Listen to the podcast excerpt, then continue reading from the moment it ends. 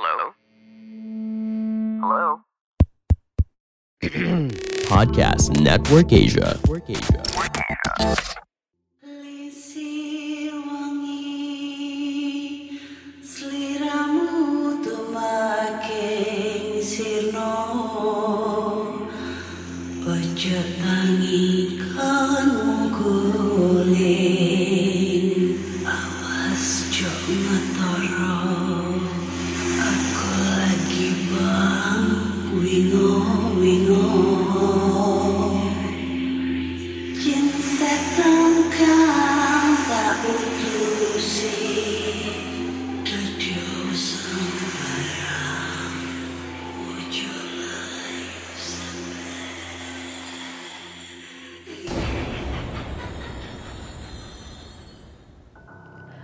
Hai Rek, yo apa kabar Ketemu lagi dengan aku si Ana di podcast kisah horor.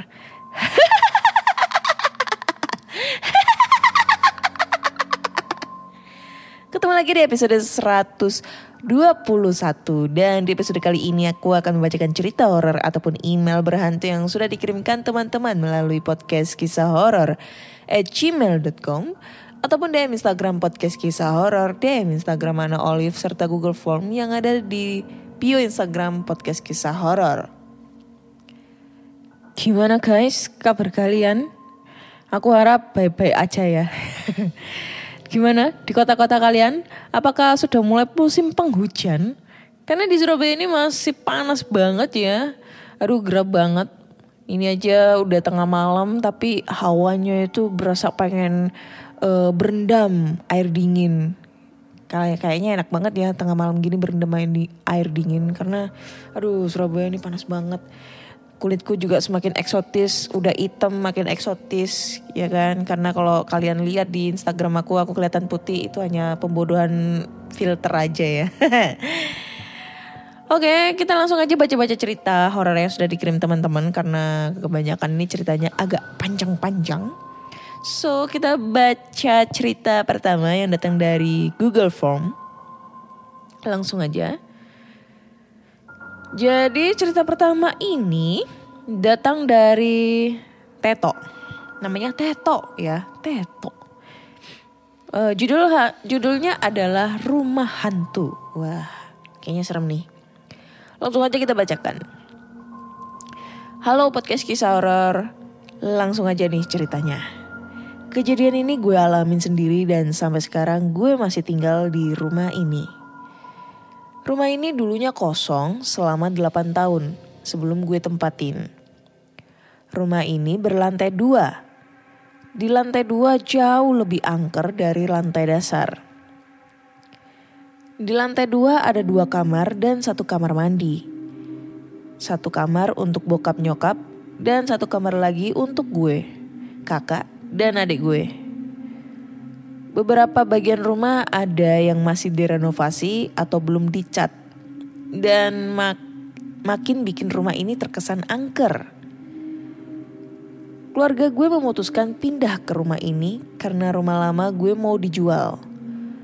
Gue sempat protes sama bokap sebelum pindah ke rumah berhantu ini karena dari luar aja hawanya udah angker.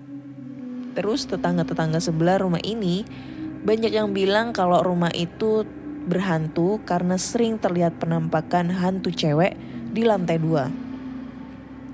Cuma bokap tetap kekeh untuk pindah ke situ. Akhirnya jadi juga keluarga gue pindah ke rumah itu.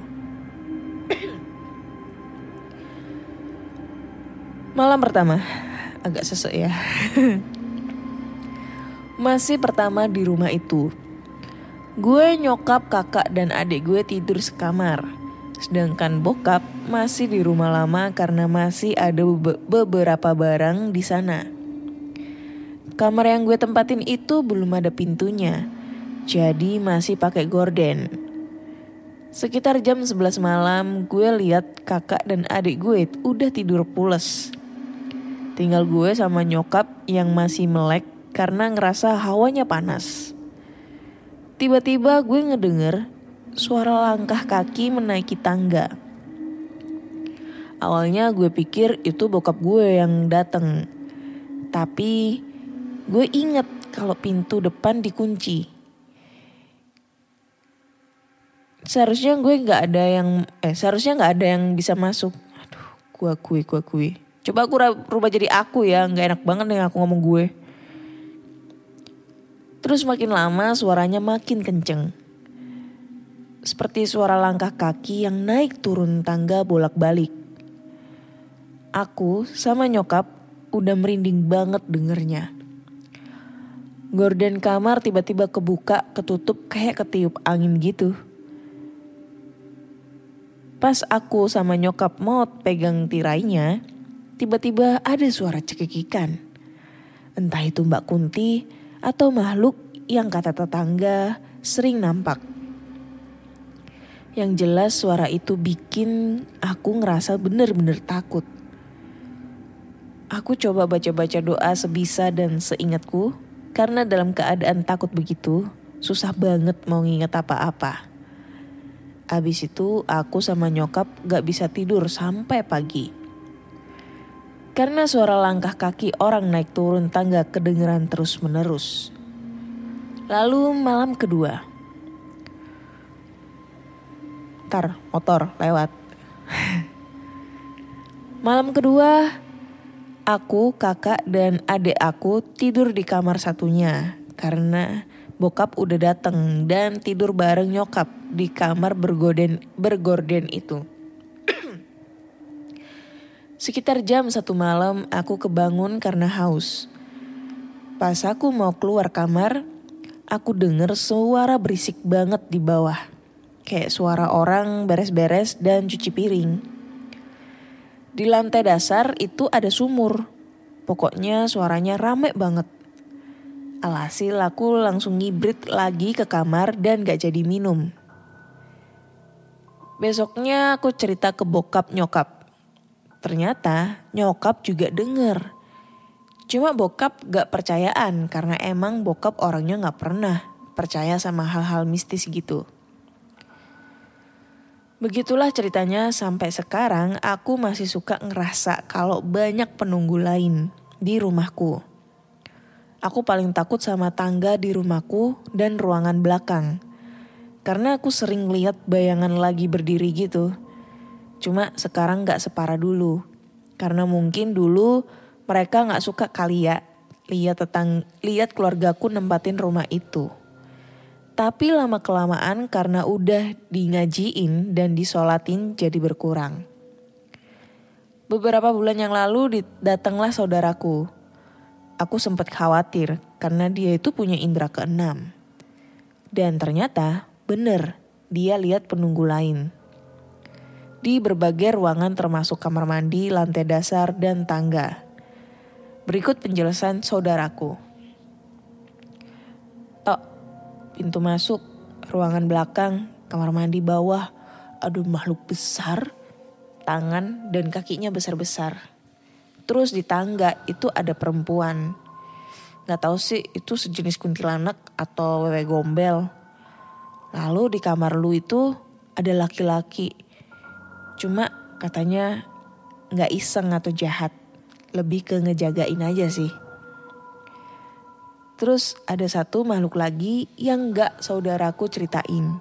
Katanya nanti kalau diceritain pada takut. Aku penasaran tapi gak pernah dikasih tahu sama dia. Sekian dulu cerita dari aku ke Ana. Mohon maaf jika kurangnya ceritanya kurang menakutkan. Oke. Thank you banget ya Tok buat ceritanya ya. Aduh. Kalau aku sih eh, kalau udah apa namanya nempatin rumah tersebut itu pasti bakal serem juga ya karena udah berpengalaman cuy di hantuin di rumah sendiri rasanya nggak enak banget kecuali kalau kita dihantuin di rumah orang sih it's okay ya tapi kalau misalnya dira- diganggu di rumah sendiri itu apa ya berasa adrenalin kita itu karena gak enak banget pokoknya setiap hari itu dibayang-bayangin dengan rasa ketakutan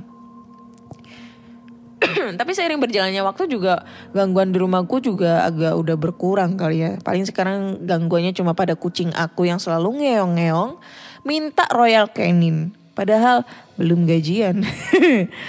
Tolong eh, di endorse Royal Canin buat meong aku. Lumayan kan buat mengirit kantong. Hi. Itu deh. Ya, untuk cerita pertama serem, kurang ya, kurang greget gitu. Iya kalau misalnya gangguan-gangguan kayak gitu udah biasa juga sih karena aku juga sering lah diganggu di tangga. Kalau tangga sih aku nggak pernah ya diganggu, cuma temen aku yang pernah nginep di sini pernah diganggu ada sosok kelihatan di tangga di rumah. Terus kalau gorden-gorden wah itu gue nggak bisa ngebayangin ya kalau misalnya ada apa namanya eh, sosok di balik gorden pas gordennya terbang-terbang gitu ya apa kena angin. Kan biasanya kalau kena angin kan maju mundur maju mundur. Nah itu apa ya ibaratnya kelihatan enggak kelihatan enggak gitu kan. Pas nanti pas gordennya ketutup terus kehembus lagi tiba-tiba muncul sosok. Habis itu ketutup muncul lagi sosok.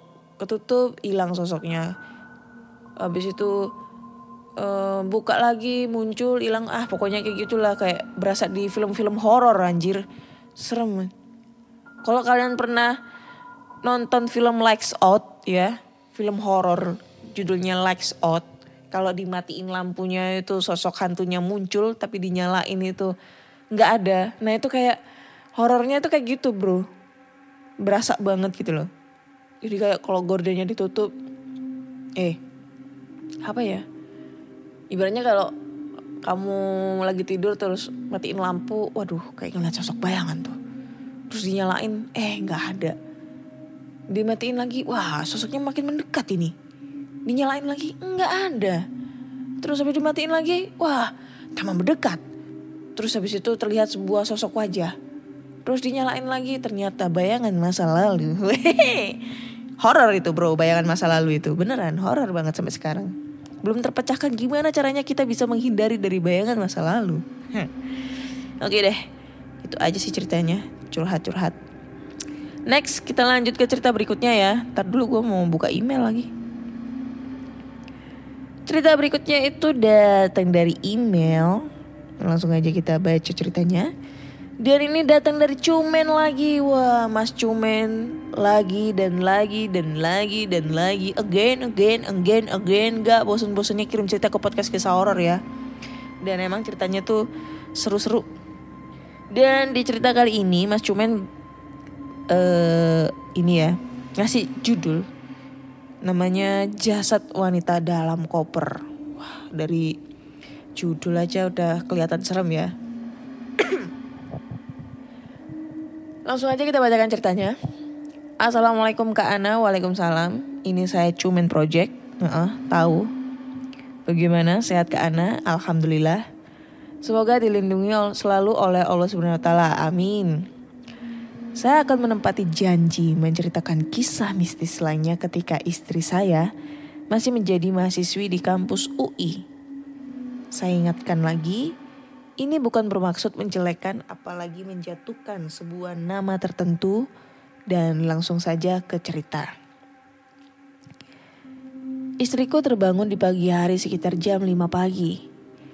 Pagi itu seperti hari-hari biasa pada umumnya. Tidak ada keanehan yang melanda. Melakukan aktivitas di pagi hari seperti biasa.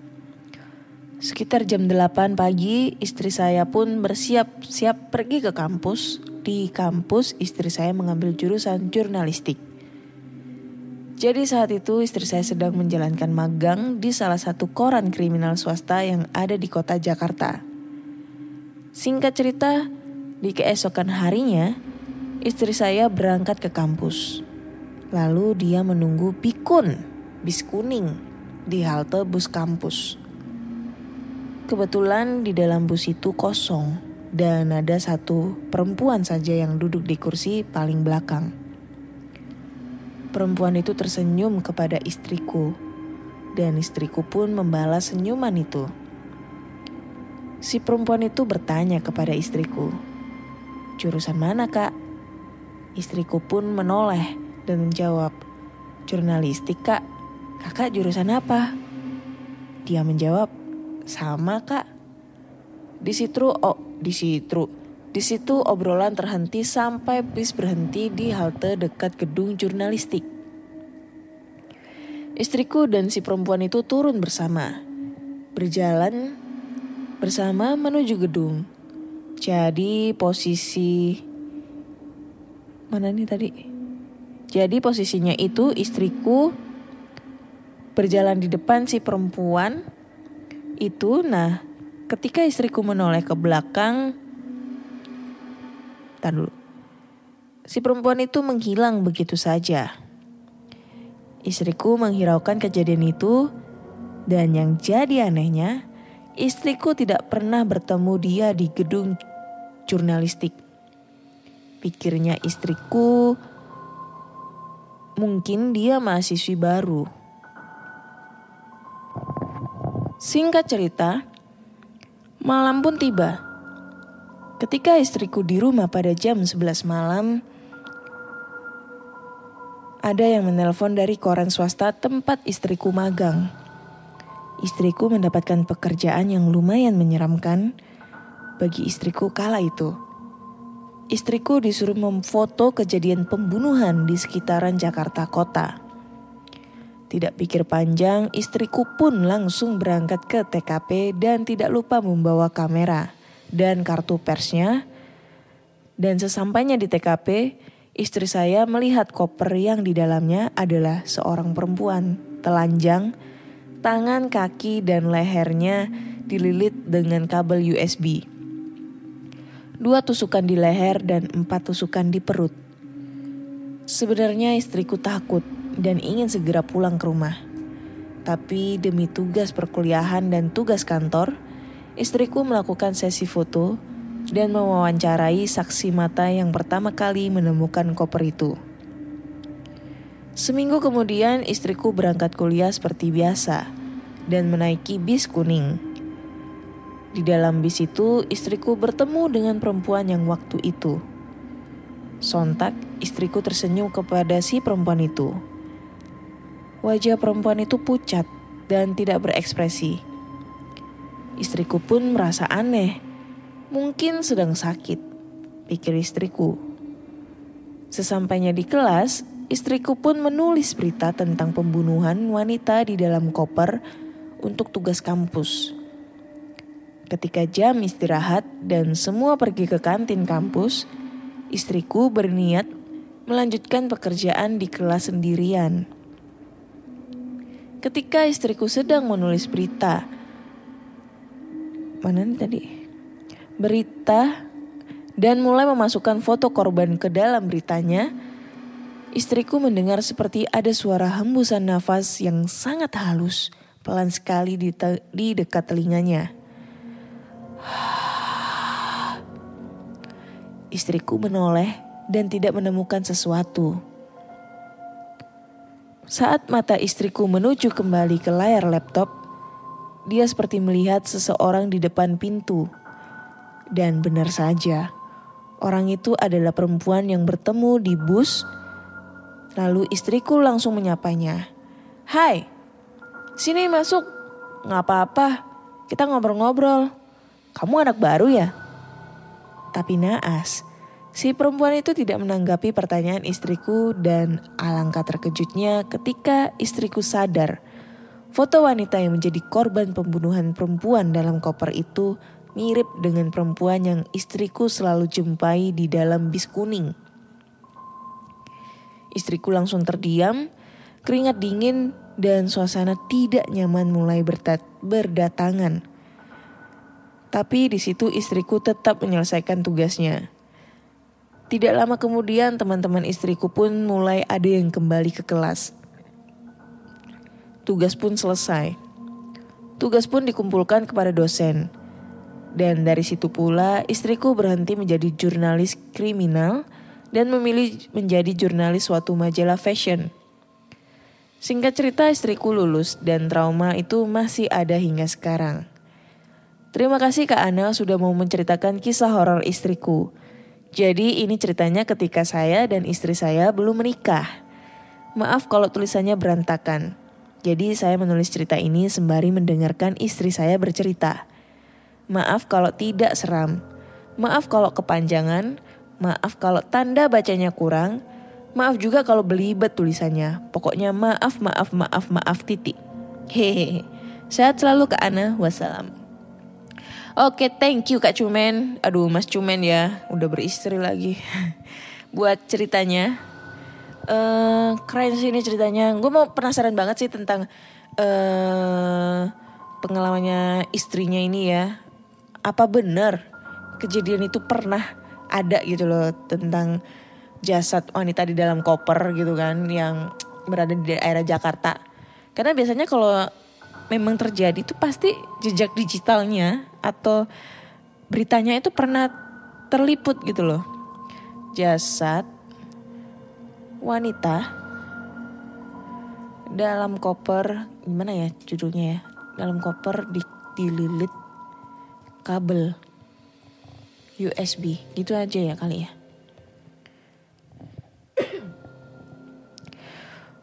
Oh ada bro, ada bro ternyata. Ternyata ada bro. Tapi ini lebih ke ada berita tentang dua WNI yang membunuh wanita dalam koper. Tapi ada juga ini atau mungkin ini ya warga Tangerang tapi meninggalnya di di Mekah bro bukan di Indo sedangkan ini beritanya di Indo. Mungkin ada kali ya. Tapi nggak tahu di mana. Pasti ada lah. Tapi kalau menurutku tuh serem banget ya. Mungkin eh, si istrinya Mas Cumen itu eh, diberi penglihatan gitu ya. Karena mungkin si hantu ini tahu kalau kalau apa namanya eh istri ma- istrinya Mas Cumen yang bakal meliput tentang kasusnya dia. Dan mungkin ibaratnya dia kayak ngasih clue gitu loh. Maksudnya dalam arti dia mungkin minta bantuan cuy. Si setannya tuh minta bantuan kepada istrinya Mas Cumen supaya untuk memecahkan misterinya gitu loh. Ala ala apaan anjir tadi? Kayak ada yang lewat. Wah sudah mulai horor cuy. Mungkin istrinya Mas Cuman itu kayak dikasih eh, clue gitu ya Eh, mungkin setannya tuh mau minta tolong gitu loh dengan eh, istrinya Mas Cuman yang meliput berita tersebut itu bisa menemukan titik terang siapa pelakunya tersebut Terus di sini Mas Cuman bilang, maaf kalau kepanjangan enggak. Maaf kalau tanda bacanya kurang enggak. Komanya banyak banget. Maaf juga kalau belibet tulisannya enggak juga. Pokoknya maaf maaf ya. Enggak enggak enggak enggak ada yang ini enggak ada yang salah dari ceritanya Mas Cumen. Cuma maaf banget. Terlalu capek saya ngomong istriku, istriku, istriku, istriku. Karena apa? Baper baper tahu aku setiap baca istriku istriku istriku karena aku tuh pengen ada yang ngomong kayak gitu istriku ya ampun Ana istriku atau mungkin aku mau ngomong halo suamiku suamiku makanan udah siap suamiku yuk ke kamar. Suamiku nggak tahan. Kayak gitu gitu ya anjir. Gue baper anjir. Gue pengen nikah. Kayak gitu. Itu deh. But thank you banget buat Mas Cumen. Aduh udah banyak banget dia kirim cerita. Dan rata-rata ceritanya serem-serem juga ya. Next kita langsung lanjut ke cerita berikutnya ya. Kamu lagi mau mengembangkan podcast kamu, tapi bingung caranya bagaimana? Mulai dari sisi performance-nya, menentukan rate konten kamu, sampai bagaimana cara memonetisasinya. Nah, coba deh cek Podmetrics. Podmetrics adalah platform yang bisa membantu kamu untuk lebih mudah melihat performa konten podcastmu. Lalu melalui Podmetrics, kamu juga bisa menentukan rate podcastmu melalui data yang tersedia. Serta bisa juga memonetisasi kontenmu dengan champion-champion dari brand yang cocok dengan podcastmu. Bahkan, Podmetrics juga bisa membantumu untuk mendapatkan inspirasi dalam membuat iklan pada podcastmu dengan contoh iklan yang sudah tersedia. Nggak ketinggalan juga, sekarang Podmetrics juga ada fitur Pod Earnings dengan berbagai metode pembayaran. Sehingga memudahkan kamu untuk mendapatkan penghasilan dari Podmetrics. Jadi, kalau kamu seorang podcaster, pastikan kamu mendaftar Podmetrics dengan memakai Podmetrics referralku. Klik langsung aja podlink yang ada di deskripsi box dalam episode ini. Cerita berikutnya dari Google Form lagi. Hmm, dulu bilang. Dan ceritanya ini tentang rumah. Hantu rumah lagi ya. Dari Bittersweet. Judulnya Penghuni Rumah. Sebelum mulai bercerita ke Ana, ada baiknya dibaca dulu pembukaannya. Iya, iya, iya. iya. Jadi ini cerita aku alamin sendiri kak. Dan aku ceritain seadanya, non fiktif tanpa direkayasa. Semoga bisa membuat merinding para pendengar podcast kisah horor. Oke, langsung saja kak. Di kejadian pertama, jadi long time ago waktu gue masih TK apa SD gitu, lupa. Aku tidur satu kamar sama kakakku. Kita berdua cewek. Dan posisi kamar itu deket garasi di mana kepala kita itu deket sama jendela. Tengah malam aku kebangun. Aku emang dari kecil sering kebangun tengah malam. Dan cuma diem aja gitu di kasur.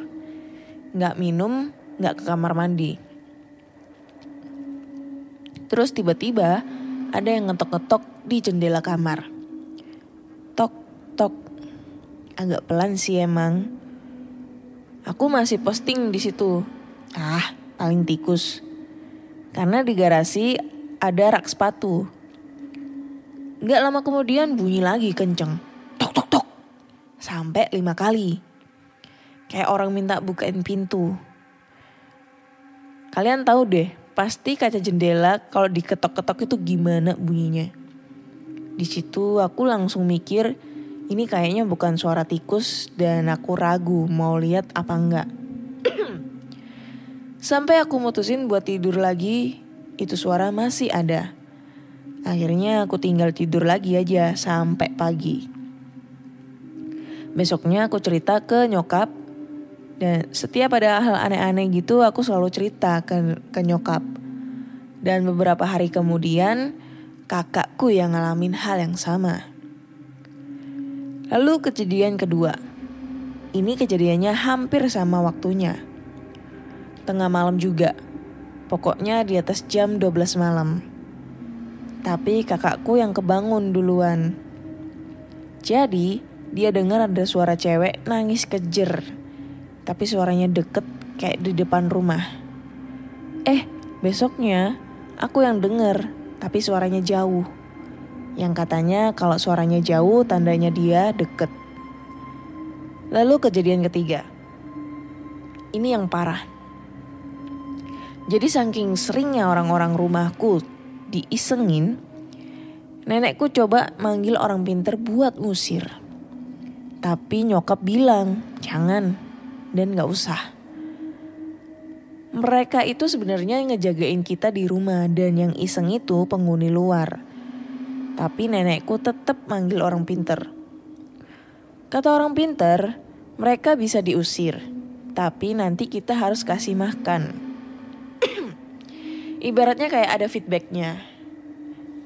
Waktu rumahku lagi dibersihin, posisi aku lagi sekolah, nyokapku bilang setelah selesai, ada kain kafan di bawah sajadah kamar nyokapku. Di situ nyokap sama sama nenek dikasih tahu penghuni-penghuni yang ada di rumahku itu. Apa aja wujudnya dan letaknya di mana. Aku pun masih hafal sampai sekarang. Aku sih percaya gak percaya, cuma karena yang dialamin real, jadinya aku bisa nyimpulin kalau ini bener. Setelah dua minggu rumahku bersih, itu penghuni pada balik semuanya karena gak dikasih makan. Salah satunya nyokapku sama nenek yang diisengin siang-siang bolong.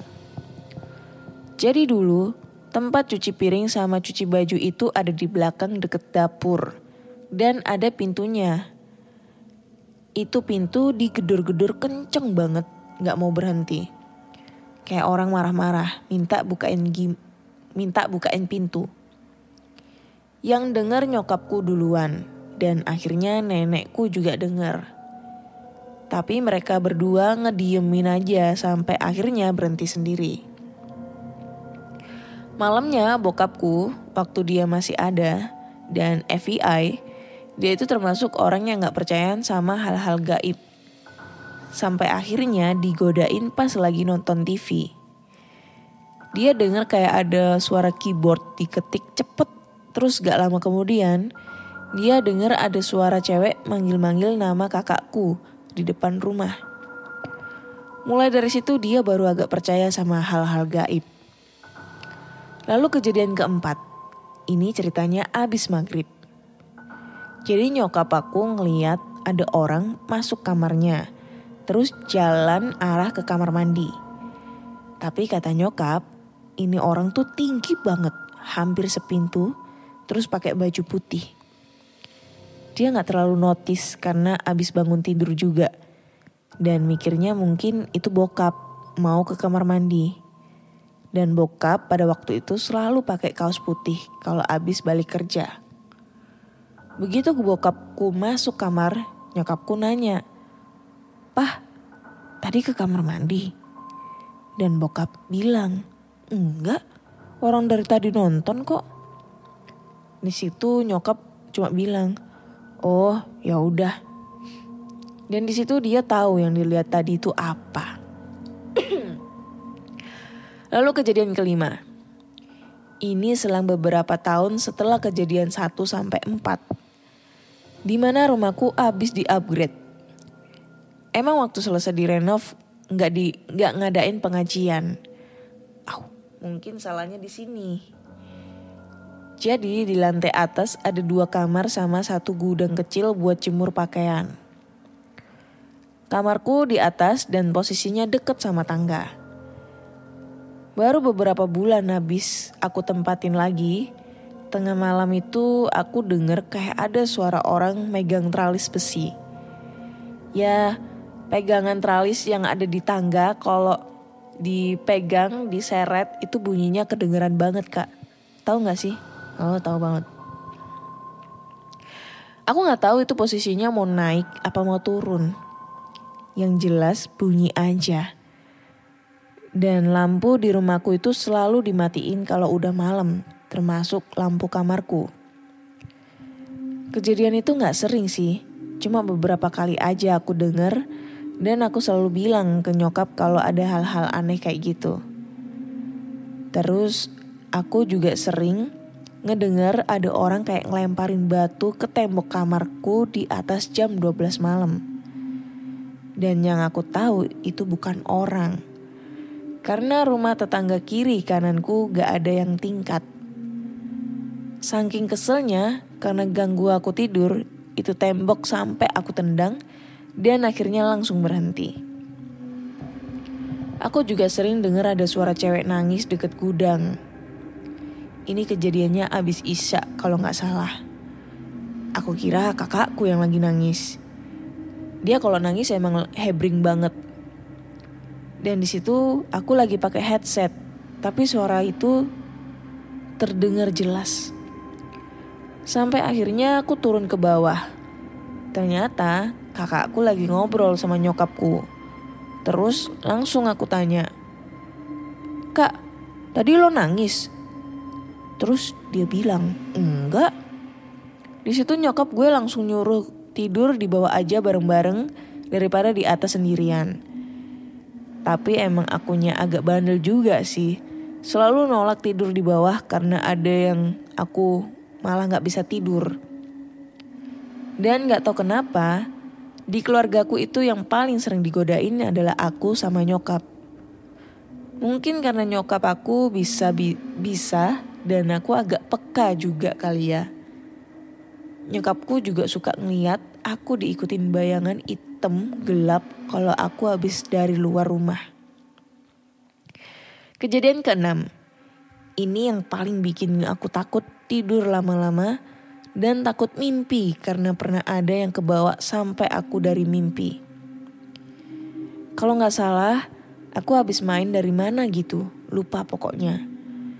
Terus karena aku pulang agak larut, aku mandi. Yang katanya nggak boleh mandi tengah malam. Tapi aku tetap kepala batu. Dan gak lama kemudian aku tidur. Aku mimpi lagi ada di rumah almarhum nenekku dari nyokap. Dan di situ ada yang meninggal, tapi aku nggak tahu siapa. Posisi aku itu lagi mau masuk mobil iringan jenazah. Pas aku lihat ke arah pos kamling, ada si tante lagi berdiri ngeliatin aku. Tatapannya tajam parah. Dan dia berdiri di tengah-tengah orang, tapi nggak ada yang notice dia. Di mimpi itu aku langsung buang muka dan kebangun tiba-tiba. Keringatan parah kayak abis lari maraton. Aku nyoba istighfar dan gak panik sampai akhirnya cari cara buat lanjut tidur. Dan begitu aku balik tidur, belum ada 10 menit. You know, you know what? Mimpinya bersambung.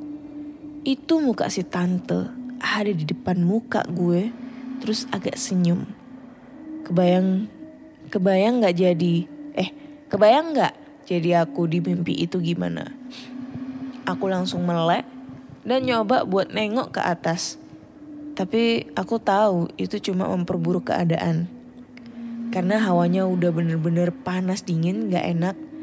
Dan dari situ aku tersadar bahwa dia telah terbawa oleh aku. Kejadian ketujuh. Ini kakakku yang ngalamin. Kejadiannya abis maghrib. Tahun lalu kalau nggak salah. Jadi kakakku abis sholat. Di mana kiblatnya itu mengarah ke lemari kaca dia. Dan di situ ada bangku. Pas dia lagi zikir, dia jerit kenceng banget dan ini kedengaran sampai kamarku di atas. Terus dia langsung manggil-manggil nyokap, tapi nadanya kayak orang mau nangis gitu. Aku pikir, ah, palingan di kamar ada kecoa atau enggak tikus. Rumahku pen pernah kermas rumahku pernah kemasukan keluarga tikus. Karena emang kakakku tuh hebring orangnya, terus panikan. Beda sama aku pokoknya. Setelah aku agak kepo, akhirnya aku samperin dia di kamar nyokap. Masih pakai mukena. Terus lagi senderan di kasur sambil megang minyak angin. Ekspresi dia juga kayak orang shock gitu pokoknya. Nyokap aku tiba-tiba nanya, di mana kamu ngelihatnya? Kaget dong aku. Dalam hati, abis ngeliat apaan nih orang? Mulai cerita deh dia. Tadi kan abis sholat terus cikir. Pas ngeliat ke arah lemari, ada orang di depan lemari lagi senyum. Makanya langsung jerit. Di situ aku langsung ke kamar dia, ngecek jendelanya takutnya kebuka. Terus takut penghuni luar pada masuk juga. FBI kak, rumahku di Depok dan deket komplek. Itu lagi ada pembangunan tol baru. Jadi mungkin mereka pada nyari tempat tinggal baru kali ya. Terus nyokap nanya, cowok apa cewek? Tinggi nggak orangnya? Kakakku bilang, nggak tahu tinggi apa enggak.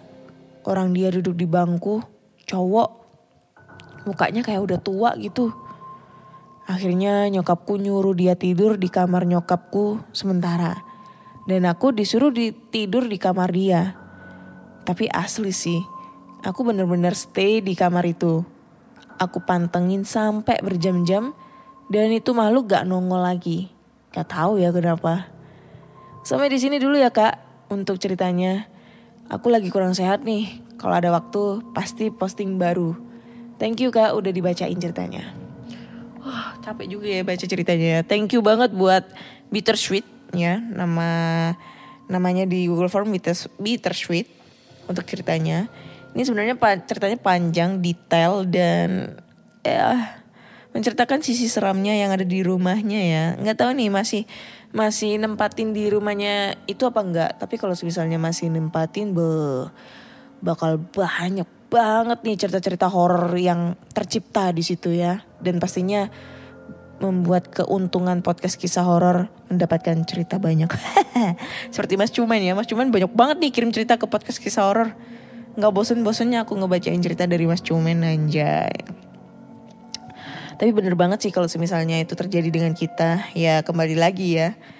Kalau sosok hantu itu menghantui di tempat tinggal kita, itu benar-benar apa ya?